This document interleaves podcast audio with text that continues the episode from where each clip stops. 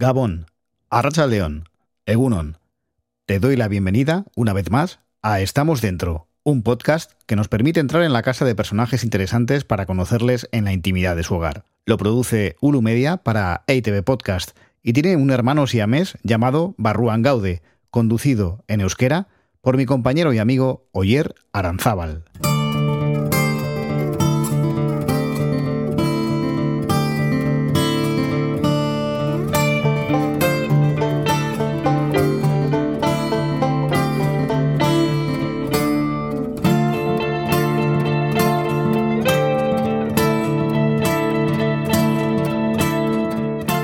Soy Juan G. Andrés y hoy en Estamos Dentro accedemos a la casa de Elena Odriozola. Al final hay muchos libros que los textos son una excusa para hacer un álbum bonito. A mí me cuesta mucho eso, ¿no? Es decir, ¿pero ¿para qué? ¿No? Eso se venderá, luego los libros que son se destruirán y hasta el siguiente y el siguiente y el siguiente es lo malo. Al final la ilustración también tiene que contar cosas. Y te tiene que contar una historia y te tiene que llevar a algún sitio. Y también hay mucho libro de, bueno, estética. Pero estética sin contenido no sé si tiene mucho sentido.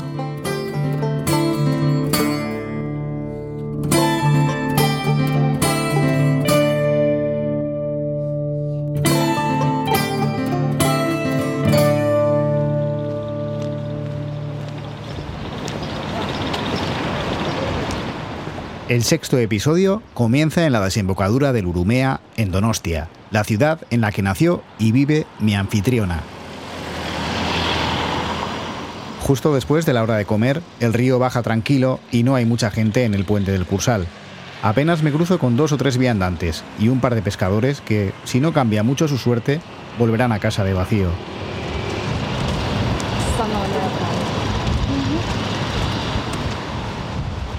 La ilustradora Elena Odriozola vive y trabaja justo al otro lado del puente, en el barrio de Gros.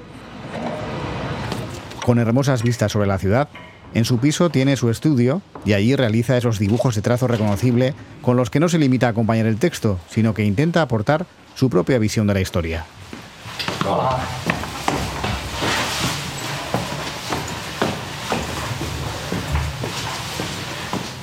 Subimos las escaleras del portal con el nerviosismo propio del fan que entra al camerino de su artista favorito. En casa somos grandes seguidores de Elena y en nuestras estanterías descansan varios de sus libros, tanto infantiles como para adultos.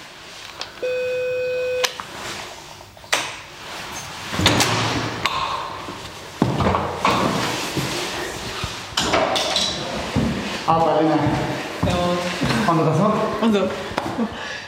Pasó. Perfecto. Ay. Nos atiende unas horas antes de poner rumbo a la casa familiar de Oronoz, en Baztán, a donde quiere escaparse una temporada para estar menos sujeta a los rigores de la pandemia, más llevadera en el medio rural.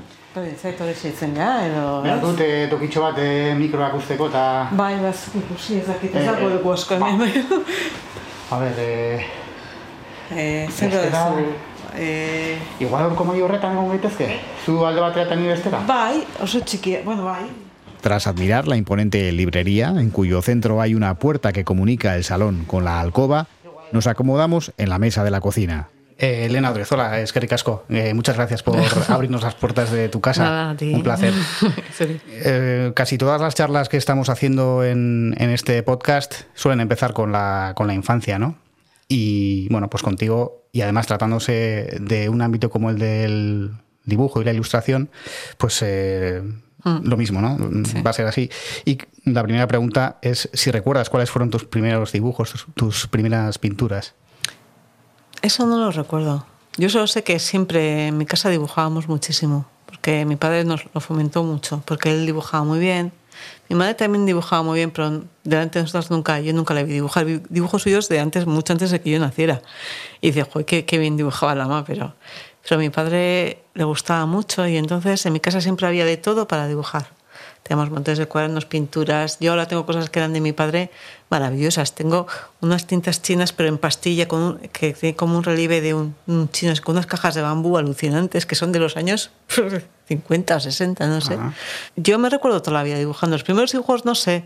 Y además yo siempre he sido muy de tirar. Entonces no... No conservas. No, y la mamá, en un tiempo de repente vi que había conservado no sé qué, que a mí me parecía horroroso y, y los rompí y los tiréis. Y mi madre se enfadó muchísimo conmigo.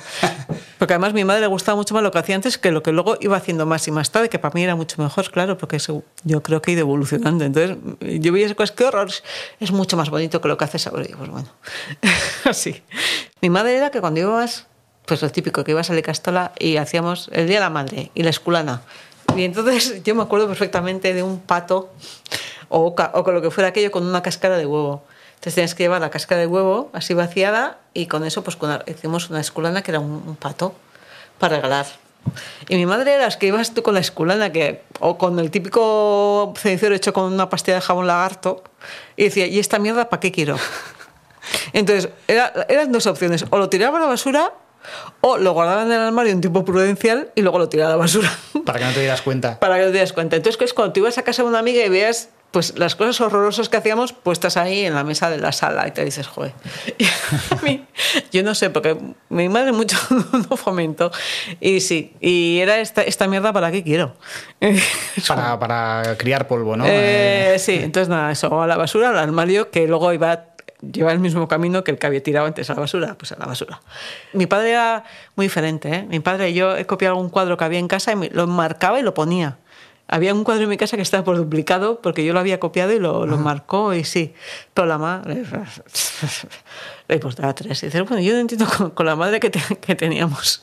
Pues, bueno, yo, las demás no han seguido, pero bueno, porque todas dibujamos. Yo creo que todos los niños dibujan, ¿no? Y al final, por alguna razón que se me escapa, pues supongo que no se le da importancia o es algo secundario, ¿no? Es una pena, ¿no? Porque es algo que todos tienen, todos los niños, sí. o sí, casi sí. todos, Sí, todos no serán, pero bueno.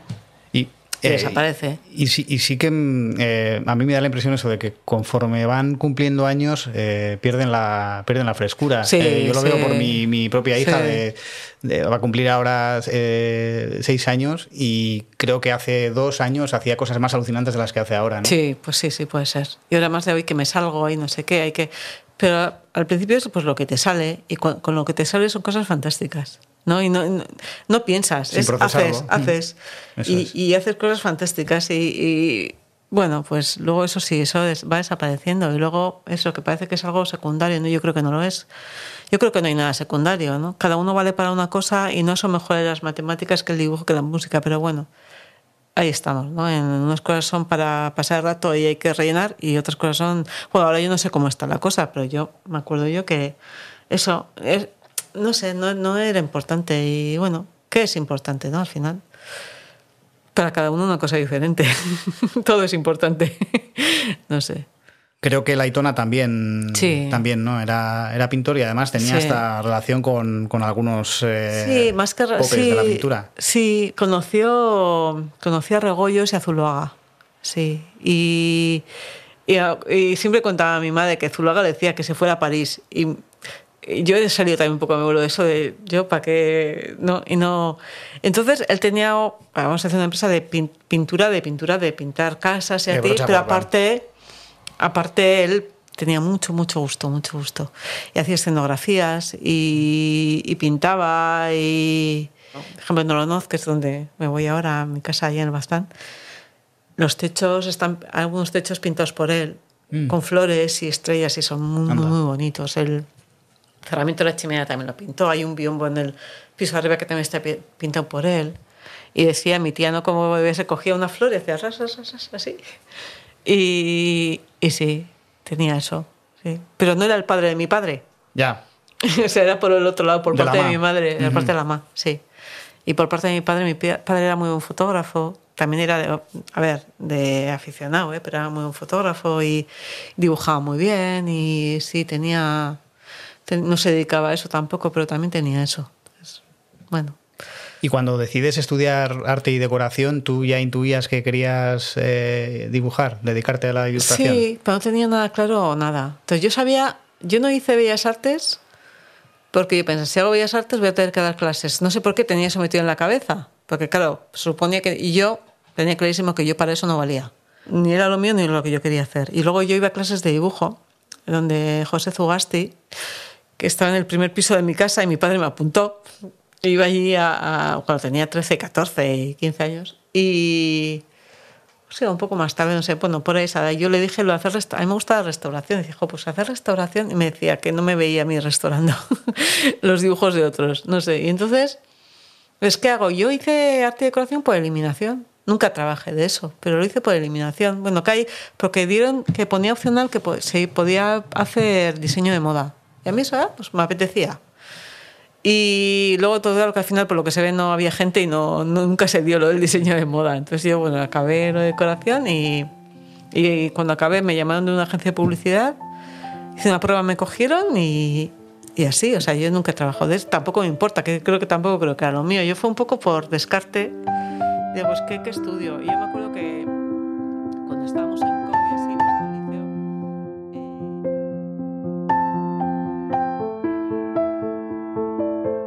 Antes de comenzar a trabajar como ilustradora, pasó por varias agencias de publicidad en las que se ocupaba de las tareas de maquetación, cuando el uso de los ordenadores aún no estaba generalizado. Y dibujaba, a ver, los anuncios, los, los bordes del anuncio, por ejemplo, a mano con el Rotring. Y luego pegábamos con una cola que era como de un que se calentaba y pegabas así. o en el Spray Moon, que había el corte Spray Moon que se te quedaban los zapatos pegados al suelo, porque era todo aquello como una especie de caja fuerte de, de no sé qué años hay que abrías y echabas el spray y pegabas. Y luego, cuando tenías que adaptarlo a distintos formatos de los periódicos, estaba la Repromaster.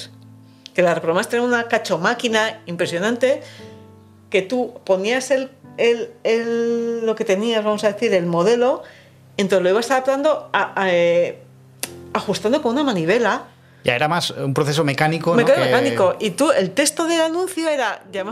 Han pasado los años y aunque las herramientas digitales son importantes en su quehacer diario, ella prefiere seguir trabajando a la antigua usanza. Sí, los hacía a mano. Yo los bocetos no es lo mismo pensar con, con, el lápiz que con un ordenador, por lo menos para mí. A mí un boceto me da más que si me pongo ya a hacer una cosa así en el ordenador. Y luego lo malo que se tiene, se tiene como algo bueno, pero yo no sé si es bueno, todas las opciones que te dan, ¿no? Con el fondo de este color, de este otro, de esta tipografía está la otra, y dices, al final no sabes lo que estás haciendo, lo que estás viendo, lo que es, qué es mejor, qué es peor. Tú cuando haces, no sé. Eh, yo creo que esto es espontaneidad también, que no 8.000 opciones, no, 8.000 opciones no. Entonces no decides ninguna, porque buenas puede haber un montón, pero ¿cuál es? ¿Qué es lo bueno? ¿Qué es? Entonces yo cuando pienso, yo prefiero hacerlo a mano así. No sé, yo sigo funcionando así. Que igual, a ver, yo no creo que esa sea la forma, yo creo que cada uno tiene su forma y no hay una forma buena, cada uno tiene la suya, a mí es esa.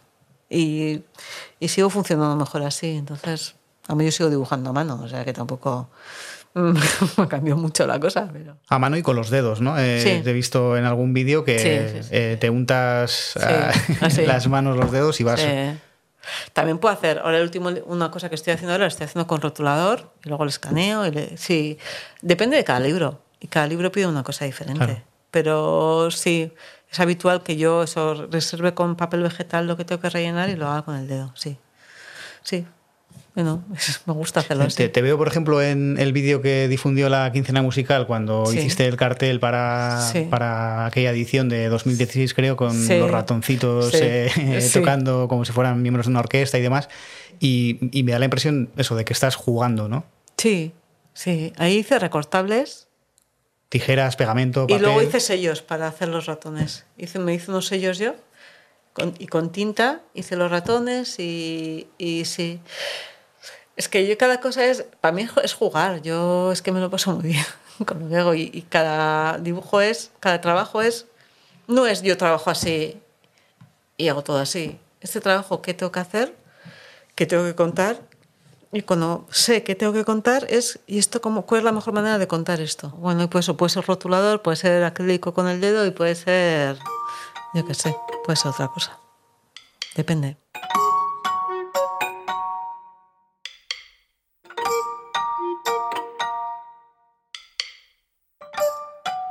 ¿Tienes presente a la niña que fuiste cuando dibujabas eh, de, pequeña a la hora de trabajar ahora? Pues no lo sé. no me he puesto a analizar, eso no lo sé, la verdad.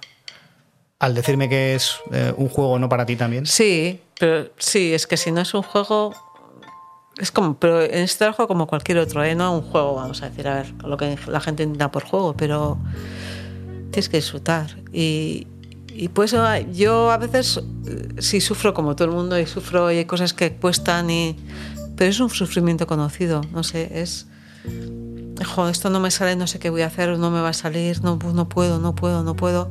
Pero en el fondo sé que puedo. En el fondo, dice, jo, saldrá. Tengo esa confianza, ¿no? Y a veces pienso que no va a salir y uff, pero hasta ahora ha salido y saldrá. Entonces un sufrimiento es, mucho de llamar sufrimiento a eso, ¿no? El sufrimiento, pues no. Sí, pero no, es conocido. Es, y si lo paso mal, veces, y si no me sale, si no llego, y si no me sale nada con esto, y si no puedo hacerlo, ¿no? Y esas cosas, eso pasa. Y pasa, y cada vez más. O sea, yo, a mis plazos de crisis cada vez son más cortos, de, entre crisis y crisis, ¿no? De, de ¿No, ¿No debería ser al revés? No, no sé. Y esto no me vale, y esto y más que eso también es, jo, y si esto, ya esto ya lo he hecho, eso no puedo hacerlo, me estoy repitiendo, esto no lo puedo mm. hacer. Y igual no voy a saber dibujar más. Eso me pasa muchas veces.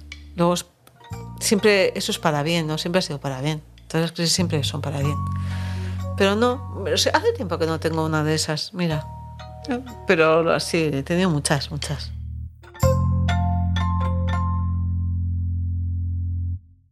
¿Qué haces cuando eh, sientes el pánico a la página en blanco? Pero eso es, algo que se suele decir de los escritores, ¿no? Y supongo que los dibujantes, pues Nada, espero y dejo pasar el tiempo. Y lo dejo estar. Y siempre viene en algún momento. Y además, a veces, cuanto más me ha costado, mejor ha sido el trabajo. O sea que, o no, ¿eh? No, no siempre ha sido así. Porque hay veces que en el momento veo lo que quiero hacer y lo que tengo que hacer y sale y sale bien. O, al revés, veo que lo que tengo que hacer es lo que tengo que hacer, me pongo y dice, jo, esto no es. y no era esto que tenía tan claro que era y que, que bien. Cada trabajo es distinto, pero a mí eso me gusta también. Si fuera algo de siempre hago lo que tengo que hacer y voy y relleno y tal, sería un aburrimiento.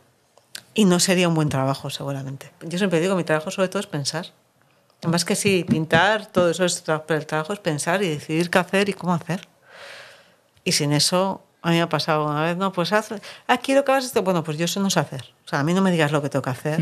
o tengo que, cuando lo hago, que podamos discutir, que igual yo estoy dentro del proyecto y cuando tienes distancia lo ves mejor, ¿no? Y dices, pues, ah, pues dices, ah, pues sí, pues mira, igual no, esto no funciona tal, pero, pero si me quitas la parte del pensar, no me interesa el trabajo pensar y bueno y luego hacer también y cómo hacerlo y hacerlo. Pero es lo que menos me preocupa de un trabajo. O sea para mí eso no me preocupa porque pero para mí más importante es bueno yo tengo este texto o esto qué es esto qué hay de mí aquí qué tengo que contar cómo lo cuento eso es lo eso es el trabajo eso es el trabajo. Una vez que ya he decidido eso lo demás va Va solo. Además va, solo, porque tienes eh, técnica, recursos y. Sí, pero yo a mí no me gusta trabajar de oficio. O sea, yo oficio lo tengo porque llevo muchos años. Entonces, podría. bueno, pues hago esto y sé que va a ser una cosa que, que esté bien, pero no me interesa eso. Porque no me gusta trabajar de oficio. Yo no trabajo de oficio. Lo tengo, eh, creo que lo tengo, porque ya llevo muchos años. Igual dices, pues, pues igual no. Porque a veces pienso, y me pasa muchas veces, jo, yo no sé, no sé es mi frase, no sé, como me dijo un amigo, cuando tú te mueras en la lápida, ella no sabía, pues vale. Porque me sale todo no sé, no sé, y soy indecisa, y soy... Pero indecisa y soy también pues lo contrario, ¿eh? porque cuando tengo claro algo lo tengo muy claro. Pero el, el, pensar, yo ya no sé dibujar, eso me pasa muchas veces, yo no sé dibujar, no sirvo para esto, no, no, me pasa mucho. Parece mentira que puedas pensar eso, ¿no? Teniendo la pues, obra que eh, tienes. Eh, sí, y luego, y luego me pongo y me entusiasmo con algo y se me pasa, ¿no? Y me entusiasmo. Porque yo necesito entusiasmarme con lo que hago. Porque si no... Porque si no me... No, no podría, no podría. Y si no me entusiasmo... ¿no? Eso es lo bueno, que tengo un trabajo que bueno, que me permite eso y que y confío en mí bastante, aunque piense que no, porque soy muy indecisa y todo eso, pues confío bastante y, y tengo muy claro cuando sí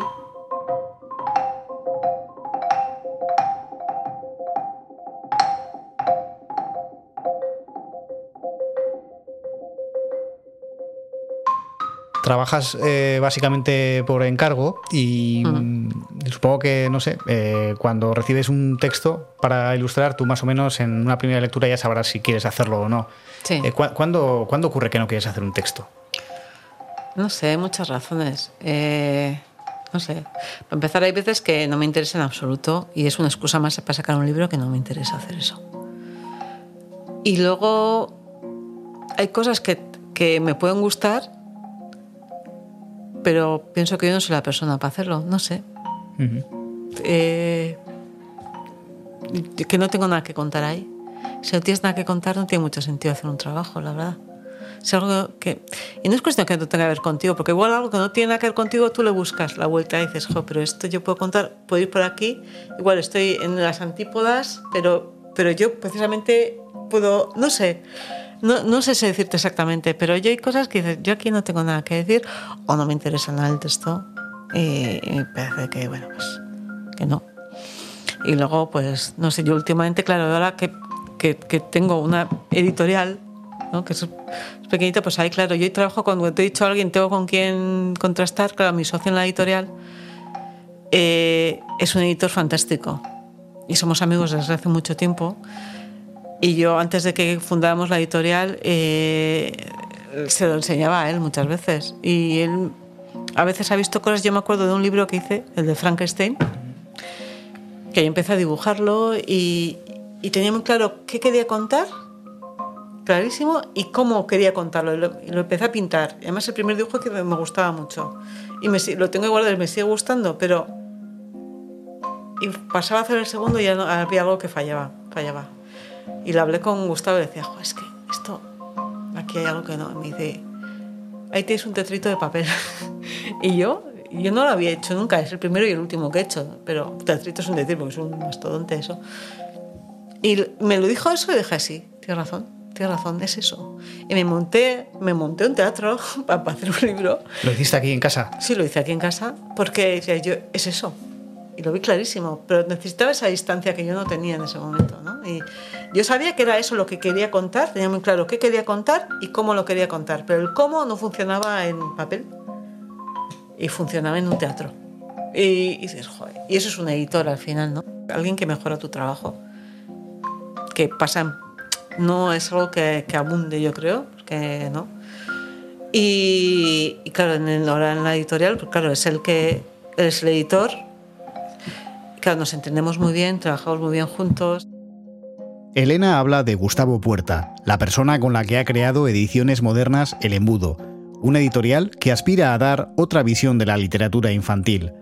Publican pocos libros al año, pero están cuidadísimos y son siempre lúdicos, artesanales y muy bien pensados. Pero para mí todos son proyectos propios. Me da igual que me lo encarguen o que salga de mí.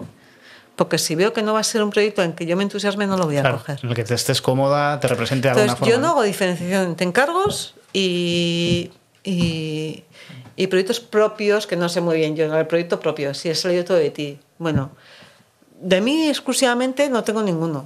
Los de la editorial son proyectos nuestros, ¿no? Además me hace gracia porque antes no, yo nunca había oído esa palabra de trabajas de encargo hasta hace no tantos años. Y me llama mucha atención. Y además, yo esto lo he contado muchas veces. Soy sobre todo gente joven y yo en alguna charla he oído, ustedes que además, que tampoco llevan mucho tiempo, dicen, no, eh, bueno, es que esto, enseñando su trabajo, no, bueno, esto era un encargo tal, bueno, esto es un proyecto propio, como diciendo, bueno, aquí he Sí, hecho el resto, ¿no? Y es. dices, yo no y el son- encargo lo he hecho mal, ¿no? Tampoco eso, o sea, No, tampoco no, pero eso. bueno, o- sí, no he Yo no digo eso, ¿eh? Porque, pero un poco como de, bueno, de, de oficio, y yo eso no lo puedo entender, porque tú es- eres tú el que está haciendo eso, eh, tu nombre va ahí. Yo he hecho cosas, yo tengo muchos libros, y hay muchos que no me gustan nada. Y algunos que dices, "Uf, yo hacía esto, qué horror. Pero yo en el momento que los hice, hice lo que podía hacer. Quitando uno que tengo que, que lo hice en Inglaterra, sí, bueno, fue el horror del trabajo porque lo dirigía mucho, yo no sé trabajar así y al final, bueno, salió aquel libro y bueno, yo, y es encima el que más, el que más ha vendido es muy a mi pesar, porque se ha vendido mucho pues en, en Londres y en Estados Unidos o donde sea, ¿no? Porque, porque yo lo odio, me parece un libro malísimo. ¿Cuál, el texto es? está bien. No, no te voy a decir. Y yo, fue, fue una lucha aquel libro. Al final hice una sensación de lo mandé. Dejé de trabajar con, con, con los ingleses porque era muy, muy dirigido todo y yo no puedo trabajar así. Eso sí, tenían buenos textos, eh, te pagaban muy bien, cosa que aquí es bastante impensable, te pagaban muy bien, te daban mucho plazo, que para mí eso era malo porque te pedían un boceto, pues igual un año antes, yo ya decía, pues yo sé el año que viene, no sé, cuando me pongo en ese trabajo, no sé lo que voy a hacer. Claro, yo pensaba, yo igual dentro de un año te, te he hecho esto, pero no quiero hacer esto, quiero hacer otra cosa. No quieren ese estilo tuyo, no, no, ese estilo mío es, es, que esa es otra, porque claro, tenían ellos en su, porque era una gente la que me llamaba a mí, y varios dibujos que me pidieron y yo les di. Y yo le di uno que gracia, porque era un dibujo que hice para mi hermana, que le regalé, que se llamaba Cabezona. Imagínate. Y era una niña con una cabeza muy grande y que tenía muchas cosas, lo hice así como muy rápido. Y, era, y, y, se llamaba Cabezona. Entonces, entonces pues manda ese dibujo, yo no sé por qué. Entonces dicen, no, quieren en el, un libro en el estilo Cabezona. y yo, el estilo Cabezona, yo tengo un estilo Cabezona, el estilo es uno. El estilo eres tú, tú, tu forma de ser, tu forma de ver las cosas, tu forma, pero le, otra cosa es la técnica y la estética. La estética va cambiando. Yo no puedo hacer lo que hacía 20 años, es imposible. Yo no puedo hacer de encargo, ah, en este, me hacen un libro de esta forma, ¿no? Con la cabeza así grande y tal. No yo, no, yo no puedo hacer eso y me parece horroroso además hacer algo así. Y digo, tú dame un texto y yo veré lo que me sale en ese momento, lo que... ¿Qué me pide el texto? ¿En qué estoy? ¿Qué me pide el texto? No, en el estilo, en el estilo cabezona. Y yo, estilo cabezona. Hice un libro que quedó bien, yo creo, pero fue un libro que llego yo muy inglés. Me pidieron otro que ya me gustó menos, con el estilo cabezona, pero bueno, no era el estilo cabezona. Dice, pues, y de repente me, me, piden otro y como todo muy guiado, yo me volví loca, no, no podía. La gente toda que se metió por medio sin decir nada, ella me dijo, no, esta página, esta página. Yo no sé trabajar así, con un, unos bocitos de cada página. Esto no, no, si, si me quitas lo que es eso, mi trabajo, que es pensar, ¿qué, qué me queda? Yo no sé trabajar al dictado, ni me gusta además, no puedo. Diferencias eh, estilo y estética, ¿no? Para mí sí, sí, eso ya. Pero es verdad que tú tienes lo que se entiende por estilo reconocible, aunque haya cambiado con los años Sí. y hayas, hay una evolución Sí. en las técnicas, en... Sí, sí, cambia mucho. Eh, sí. Pero bueno, yo veo un- uno de tus libros en la portada y ya sé que es tuyo, muy probablemente, ¿no? Y no sé si eso es uno de los eh, mayores eh, placeres o triunfos que puede tener, ¿no? El, hecho de, de- de acuñar un sello, un sello propio. Yo, creo que el estilo debería ser eso, ¿no? Que eres tú, hagas lo que hagas, que eres tú. ¿Qué es el ser tú? Pues contar desde lo que tú eres y contar, pues al final es narrar, o sea, al final es, y la que narra eres tú. Entonces, me da igual que haga cualquier técnica que vaya cambiando, porque mis personajes han ido cambiando mucho, ¿no? Desde que empecé ahora no tienen nada que ver, pero sí son, pero son, no sé. Yo eso no lo sé, pero para mí es eso. Una cosa es la estética y otra cosa es el estilo. En, en este estilo no, estilo es uno, para mí. ¿eh? Igual estoy equivocada y yo te estoy hablando desde mi, mi punto de vista. No, esto no me he puesto a analizarlo y a estudiarlo y a indagar, pero yo lo veo así. Que estilo es uno, estéticas puede haber muchas, pero estilo es uno. Y da igual la estética que hagas, tienes que estar tú ahí. Me da igual lo que hagas, eres tú el que lo está haciendo y eso es lo que se tiene que ver.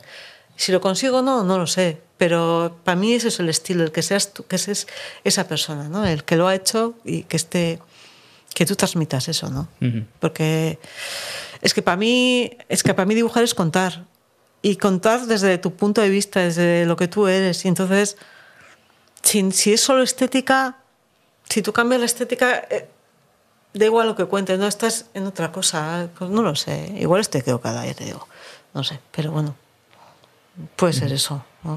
Esto, esto que has solido comentar de, de los cuellos, los niños sin cuello, los adultos con el cuello largo, cuéntame un poco, ¿no? A- ¿Cómo llegas a esa... Pues no lo sé, porque yo al principio mis cuellos eran muy muy finitos y muy largos en la cabe- y y muy muy muy muy finos y los fui ensanchando y los fui ensanchando cada vez más hasta incluso tengo algunos que no les hago ni cuello.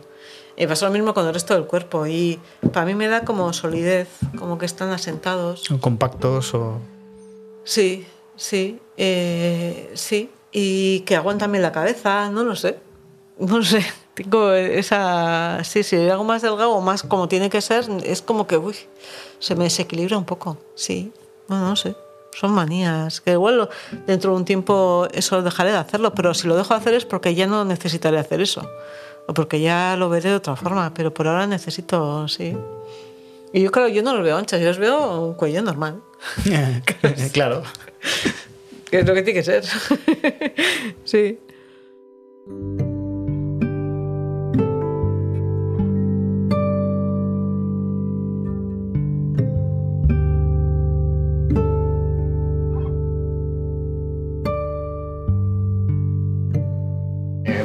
Gente se haga una idea, tienes unas vistas maravillosas al, al puente del Cursal, Sí, mucha sí. luz ¿no? en, el, en el estudio, que Sí. será importante. Muy importante. Y bueno, eso, las vistas no sé si son inspiradoras o, pero, o ya te has acostumbrado, pero es- son maravillosas. Pero yo vivía cuando desde que era pequeña en la Avenida de Francia, también en el río, pero más adelante. Y cuando. Ah. Sí. Y sí, la verdad es que. Además, yo- y sobre todo porque yo trabajo en casa, entonces al final la luz es importante. El tener luz y sí. Sí, trabajo aquí. O en el, hago fotos en el sofá, generalmente. Cuando es de lápiz y así, realmente hago en el sofá. Pero si es de dibujar, o, por ejemplo, tengo una mesa de luz aquí debajo, entonces, bueno, pues trabajo. Sí, pinto y eso en esta mesa. En realidad la mesa es, eh, bueno, muy rudiment... Bueno, no, no, no, no, no tiene, tiene, claro, la puedes colocar... Sí, sí, compré sí. En, en, en, en traperos de mouse. Ah, mira. Y fui con un amigo hace un montón de años y lo vi apoyado en una pared y dije, ¡Eh! Puedes poner a ¡Esta mesa! Y me la llevé. Puedes poner a diferentes alturas, ¿no? Sí, es de estas como las hamacas antiguas de madera que va subiendo en la pestaña. Siempre Eso está a es, esta altura, siempre es. está así. No, es que casi me había parecido, sin, sin asomarme abajo, me había parecido que era como un tablero así... Sí, el tablero no era bueno, por eso le hice el agujero aquí. No es una madera, es bonita el esto, pero esto. Y entonces le hice un agujero y le puse un cristal. Y te- mira qué cutre, porque es rudimentario. Con una lámpara. Ah, mira, ah, debajo tienes una aquí lámpara. Una lámpara que le doy aquí, plonk, y enciendo. Para mi vista no tiene que ser lo mejor esto. ¿Por qué no? Pero, pero me lo puse así, entonces es una mesa de luz. Pero luego ya me- mi hermana me regaló un tablerito de esos que no pesan nada con, para enchufar y bueno. Pero uso mucho esto. Y luego cuando necesito cortar, que es el cúter lo uso mucho para las reservas del papel y eso, pues tengo esto. Y para pintar y eso, pues tengo esto también. Sí, hago todo. Aquí o aquí, en el ordenador. Tengo Aquí todo. todo. Todo mi estudio es esto. Que esto es La lo que- impresora, el escáner. Esto es lo que te vas a llevar todo a Oronoz, Esto me lo ¿no? voy a Te cabe en una furgoneta o en Voy, un voy, coche. viene un en amigo a visitarme con una furgoneta y me lleva con todo, porque bien. eso, la ropa. Bueno, todo eso que tengo ahí encima de la cama es todo, pues bueno, es poco pinturas, cuadernos y más cosas que tengo que subir, porque claro, me tengo que un montón de pinturas, pinceles, eh, cuadernos, papeles, todo esto también lo tengo que añadir, porque es un libro que estamos haciendo ahora, eh, de lecciones de cosas, que va a ser. Elecciones de cosas. Lecciones, Ah, lecciones. lecciones de cosas. Para, la, para la colección vuestra, ¿no? Sí, va a ser el, O sea, para vuestra de- editorial. Para nuestra editorial, sí, sí, sí. Entonces, bueno, pues tengo que llevarme todos estos trastos y da un poco pereza, ¿eh? Porque mucha cosa aquí. Tienes botes, botes con lápices, pues no sé, Todos. puedes tener eh, 12, sí, sí, luego no 15. encuentro las cosas. Día estuve buscando algo y no, lo no me acuerdo qué era y no lo encontré. Ay, tengo que ir a, por cierto, tengo que ir a Tamayo antes a comprar unas cuantas cosas. Pero sí, sí, un poco de todo, de pinturas y rotuladores y acrílicos y bueno. Acrílicos ahí, falta la mitad que la meti- lo tengo ya metido ahí en la bolsa Para para, llevármelos. Ujú. Esto los he dejado. Espero no necesitarlos, pero bueno, sí, bueno. Y trastos, yo qué sé. Los libros que tienes que ya no consultas o que ya no ves, que los, que los escondes porque no te gustan tanto, ¿dónde los tienes? ¿Por aquí? Ah, todos mis libros están en la estantería de arriba. Ahí hay un montón. O todos no, pero hay muchos allá arriba. Que no están a mano. sí, hay algunos que incluso no tengo, fíjate. Y luego tengo, pues ahí también hay un montón de libros. Porque luego hay muchos ahí, mira, lo que me has dicho tú está en un montón de idiomas. ¿Ves? Ah, sí. Est- Está en, en, portugués, en, en- ah, bueno, en euskera, claro, eh, ostezaba, la princesa que balayaba, pues no sé, mira, en chino, en coreano, eh, también sacaron este el del bosque, están todos los lomos ajados, porque va mucho el sol aquí, y aunque baja la persiana, al final está todo, todo ajado. Estos también ves en, pues en coreano y en chino, y bueno, todos estos son, sí, todos estos son míos.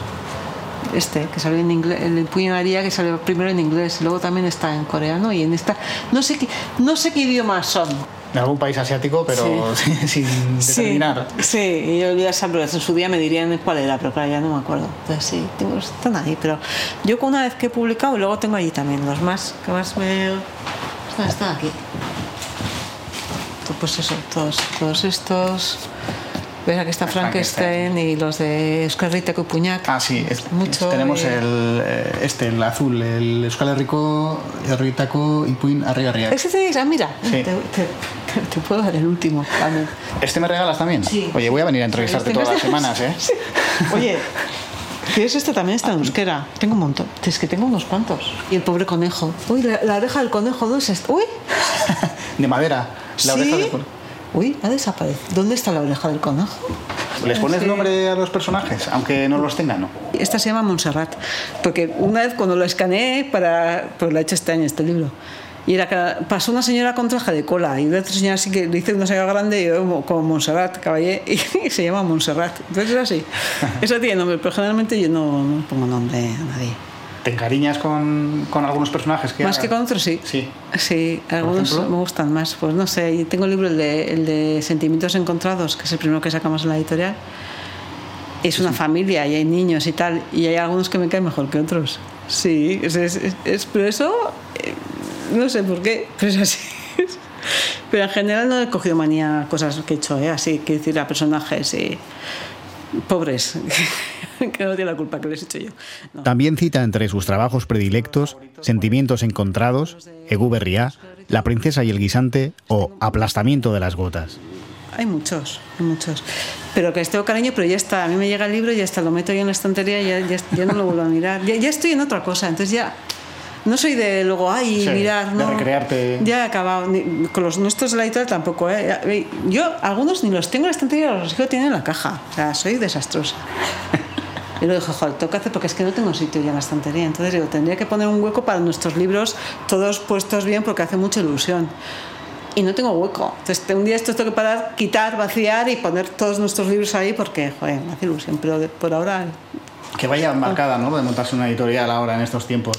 Sí, pero empezamos cuando empezamos fue hace dos años, dos años hecho en abril. Y me propuso Gustavo, dijo, eh, piénsatelo, pero tal, y yo no lo pensé mucho, dije, venga, sí. Porque teníamos tantos proyectos de talleres que habíamos dado, de cosas, eh, estaban ahí en un cajón. Fue idea de, en realidad, en, eso- en la editorial somos tres, él y su mujer también. Que, que es, libre, que es librera. Fue y ahora ya no es libre, pero es, sí es psicóloga y es periodista también. Y fue librera y tuvo una librería fantástica durante 10 años en Madrid, la Mar de Letras, ahora ya lo llevan otros. Entonces. Y, y ella fue la que alentó. Le dijo, tenéis que hacer algo, tenéis que hacer algo. Y, y se metió también. Y entonces.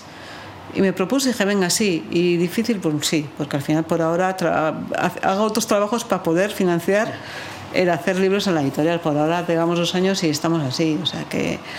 Pero bueno, luego sacando cosas que merecen la pena, creemos. Entonces, pues. Cosas muy especiales, ¿no? Proyectos muy- especiales y que queremos que no hay y que tiene que haber y ir mucho a la tradición y a la tradición oral y a la tradición.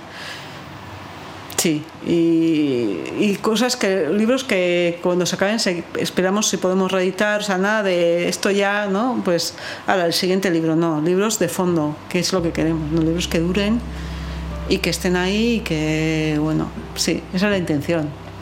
Y a ver si con esperemos conseguir, por lo menos, no sé. Awesome. Bye.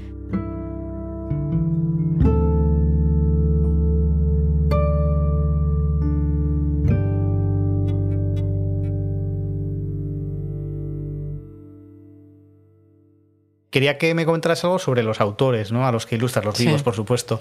Eh, Sí. ¿Tienes relación con ellos? ¿Hablas del proceso? eh, ¿Te sugieren? ¿Eres permeable no, a sus...? No me suelen sugerir mucho y no tengo relación con algunos, sí.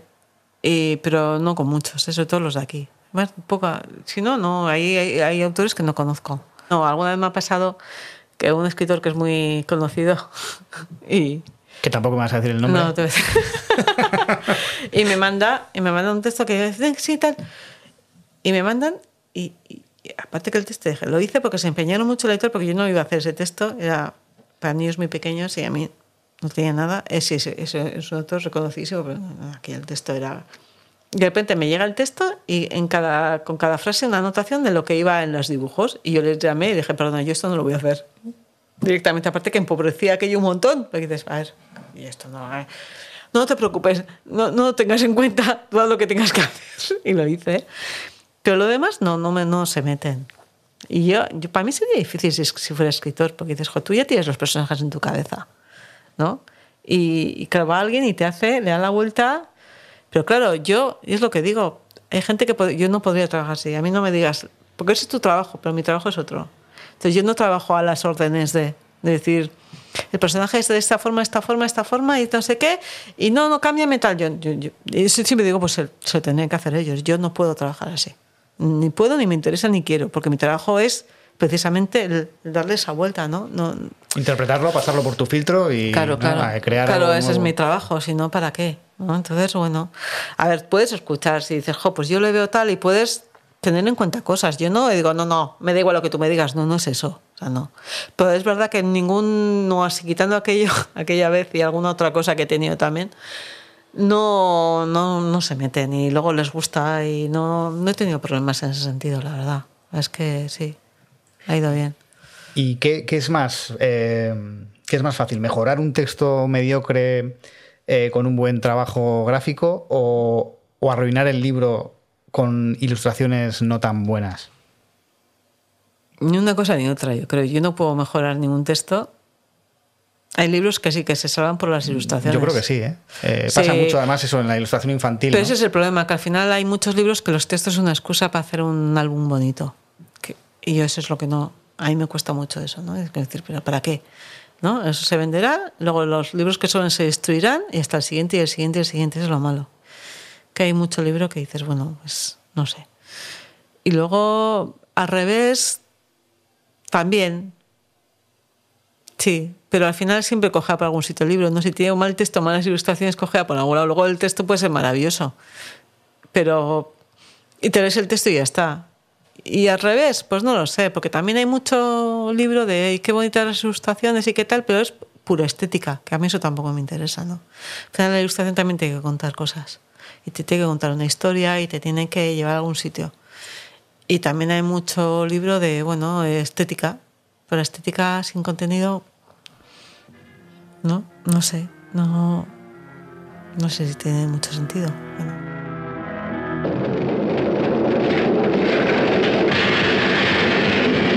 It's alive! It's alive! It's alive! Durante la charla ya ha salido a colación Frankenstein, uno de sus libros más importantes y premiados. Elena Odriozola ilustró el clásico de Mary Shelley e hizo una interpretación libre de la historia en una versión en la que el monstruo apenas aparecía. Frankenstein. Don't touch that! Por un lado fue, jo, voy a ilustrar Frankenstein, pareció, jo, jo, qué bien, ¿no? Qué, qué pasada. Es verdad que y luego ya. Y luego entonces es cuando te paras y dices, pero si yo no he leído Frankenstein. Porque pasa con este tipo de libros que como has visto tantas veces la historia, la película, el no sé qué, de, cuando era- de Boris Karloff, recuerdo el miedo que va cuando era pequeña, piensas que sabes la historia y no tiene nada que ver. Claro, pero piensas que sabes la historia. Claro, lo lees y dices, "Puf". para mí no tiene sentido hacer un libro más con Frankenstein de, de todas las imágenes que hay, ¿no? Sí, con los tornillos. eh, bueno, y tornillos no llevaba, sí. pero bueno, al final, y ni nada de eso. O sea, es, es. Bueno, luego lees y hay cosas que no cuadran nada, ¿no? En el libro. Pero yo nunca he visto en ninguna película ni nada que haya visto Frankenstein, ningún personaje que haya hecho Frankenstein que, que me dé más miedo que leyéndolo. Tú leías, y yo me acuerdo que estaba en Olonoz, y iba a subir al cuarto y estaba oscuro así, y iba un poco así. Porque da mucho más miedo leerlo que verlo. Entonces, claro, a mí es lo que me pasa con esos personajes. No lo puedo dibujar. Pues si lo dibujas, le quitas fuerza. Porque un personaje así te lo tienes que imaginar. No te lo voy a poner yo en un dibujo. Entonces, por eso no sale, es un monstruo.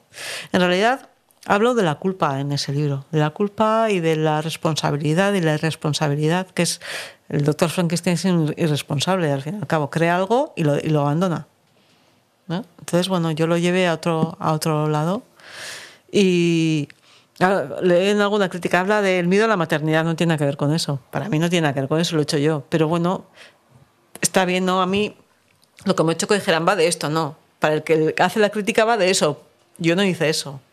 Pero a mí me parece muy bien, eso es lo bueno, ¿no? Que cada cual ve una cosa muy diferente y para eso están los textos. Igual que si yo leo un libro, lo lees tú, nos, va a llegar, nos van a llegar cosas diferentes, ¿no? Y te van a tocar cosas diferentes, eso es así. Dada tu experiencia eso dilatada en el tiempo, en estos 25 años dedicada a la ilustración, ¿dirías que se valora más el trabajo vuestro ahora que, que antes? Supongo que sí, pero bueno. Sí, no, es que. Sí, a mí cuando me dicen, no, que tu nombre aparezca, a mí que tu nombre aparezca. Bueno, sí, si aparece el escritor, para mí esa es otra cosa. El autor y el ilustrador, no. El au- autores somos todos, ¿no? Entonces yo, el escritor y el ilustrador. Pero más allá de eso y que llegue segunda, pues lo que sí habría que valorar es al mismo nivel que el escritor, ¿no? Parece que vas... Detrás es verdad que igual ha sido el primero, para mí eso me da igual. Una cosa es tu trabajo y otra cosa es el mío, es diferente. Que el vaya por delante escritor a mí no me importa nada que vaya, porque en realidad es el, el que ha iniciado ese trabajo, ¿no? O puede ser al revés, tampoco. Pero sí, se valora más que antes, sí. Sí, se valora. Yo, porque yo tengo libros Sí, de cuando era chaval en los que no aparecía siquiera no el aparecía. nombre del Y ilustrador. no solo eso, en las historias se quedaban las ilustraciones. Encima. Y se quedaban allá. Los originales, dices. Los originales, claro. Entonces eso ha mejorado muchísimo hace mucho tiempo ya, claro. Ha cambiado mucho, ha cambiado mucho y que evidentemente sí es mucho mejor que antes. Eso sin duda, sin duda.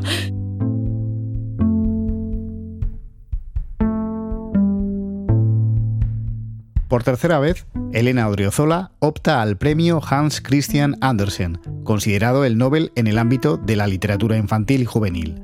En 2022 sabremos si este galardón se suma al fin a su amplio palmarés, en el que también brillan, entre otros, dos premios Euskadi y el Premio Nacional de Ilustración que recibió en 2015 en reconocimiento a toda su carrera. Yo pensé, jo, con 47 años me da la trayectoria y ya me he jubilado.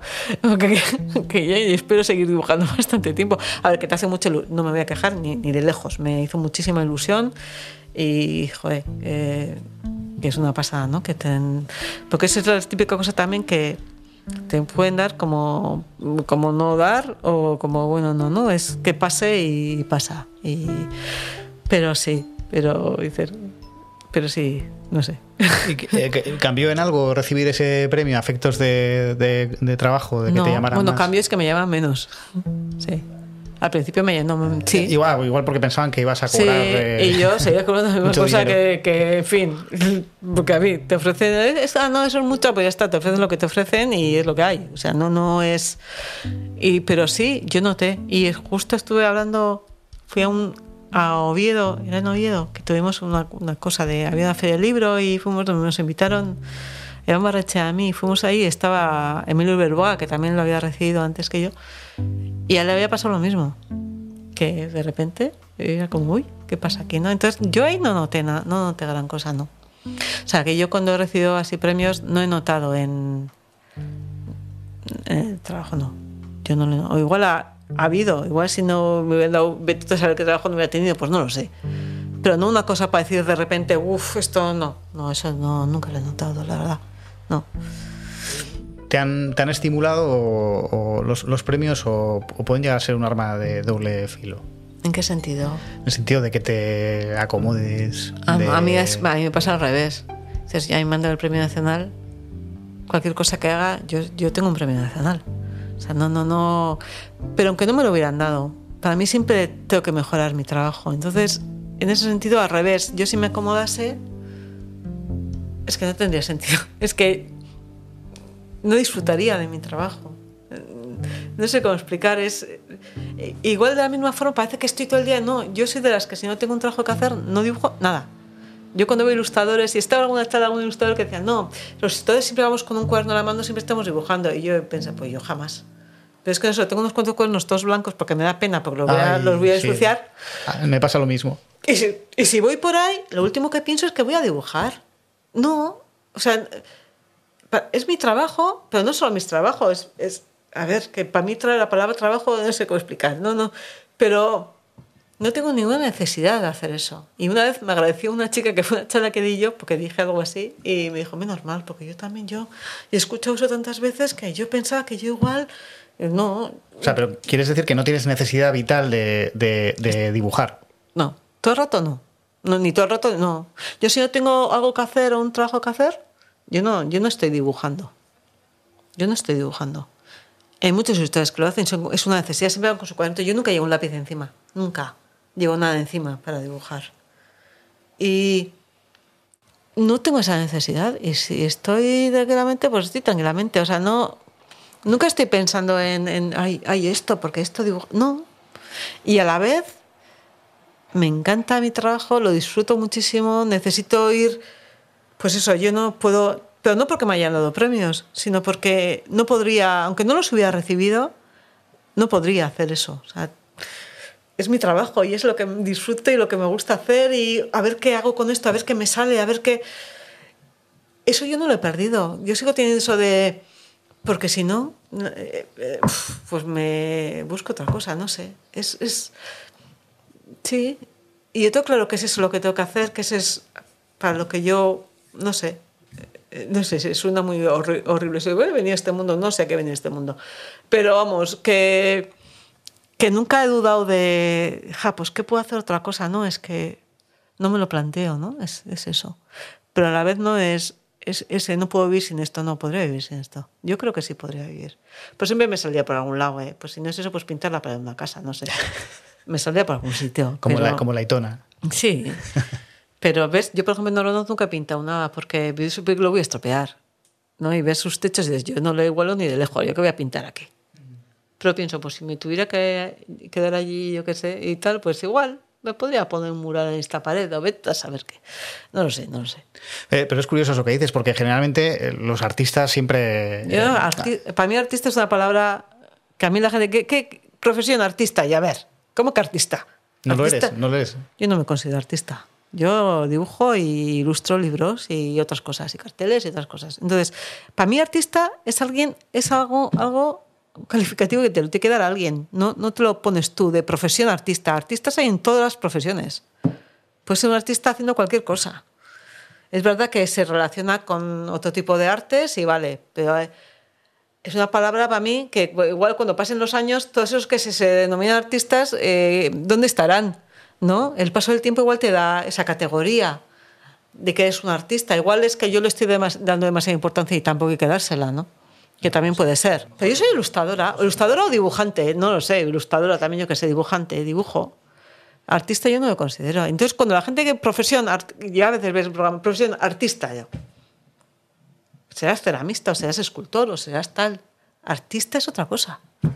¿Qué es artista, por ejemplo, para No ti? lo sé, no lo sé, no sé decirte. Para mí la consideración de artista no la tiene mucha gente. Y se la das con el, pues eso, ¿no? Cuando está algo asentado y dices, joder, pasa el tiempo y como... Hombre, yo creo que 25 años después de, No, no. de que empezaras y con la obra que tienes, el reconocimiento y... Yo no, ¿no? me considero artista. Ya te digo, para mí artista es...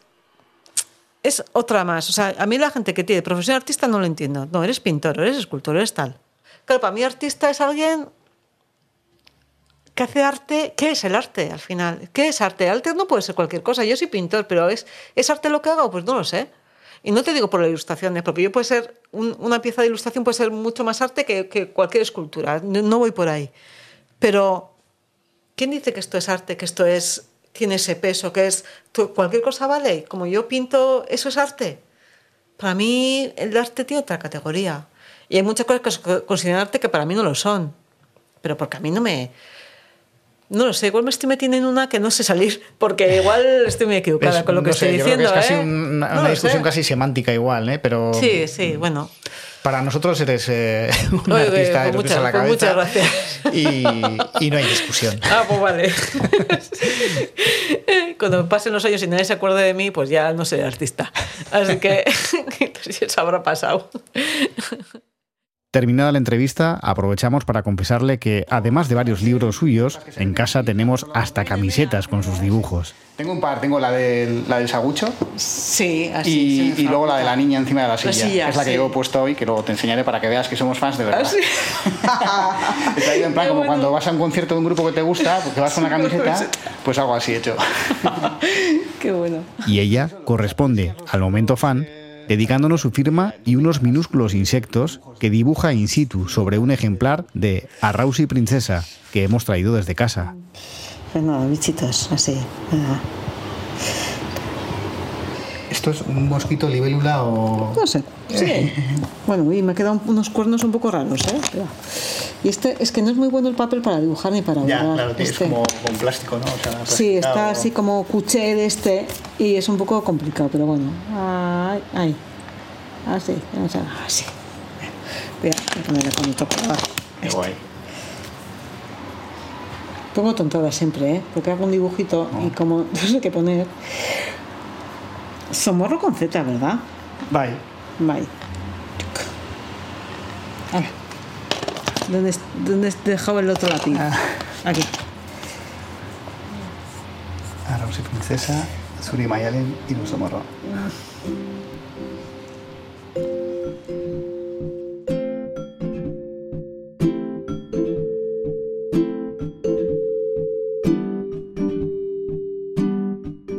Aquí termina el sexto episodio de Estamos Dentro, un espacio que puedes escuchar en ATV Podcast o en tu plataforma de audio favorita. Si te ha gustado o al menos interesado, suscríbete y deja tus comentarios en nuestras redes sociales. Cuídate mucho y hasta la semana que viene.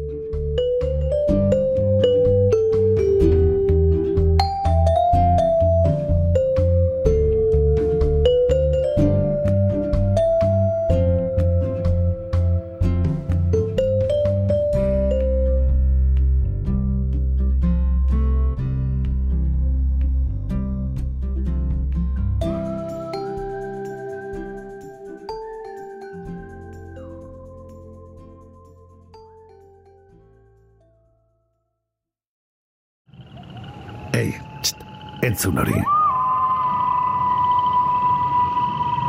Ulu Media.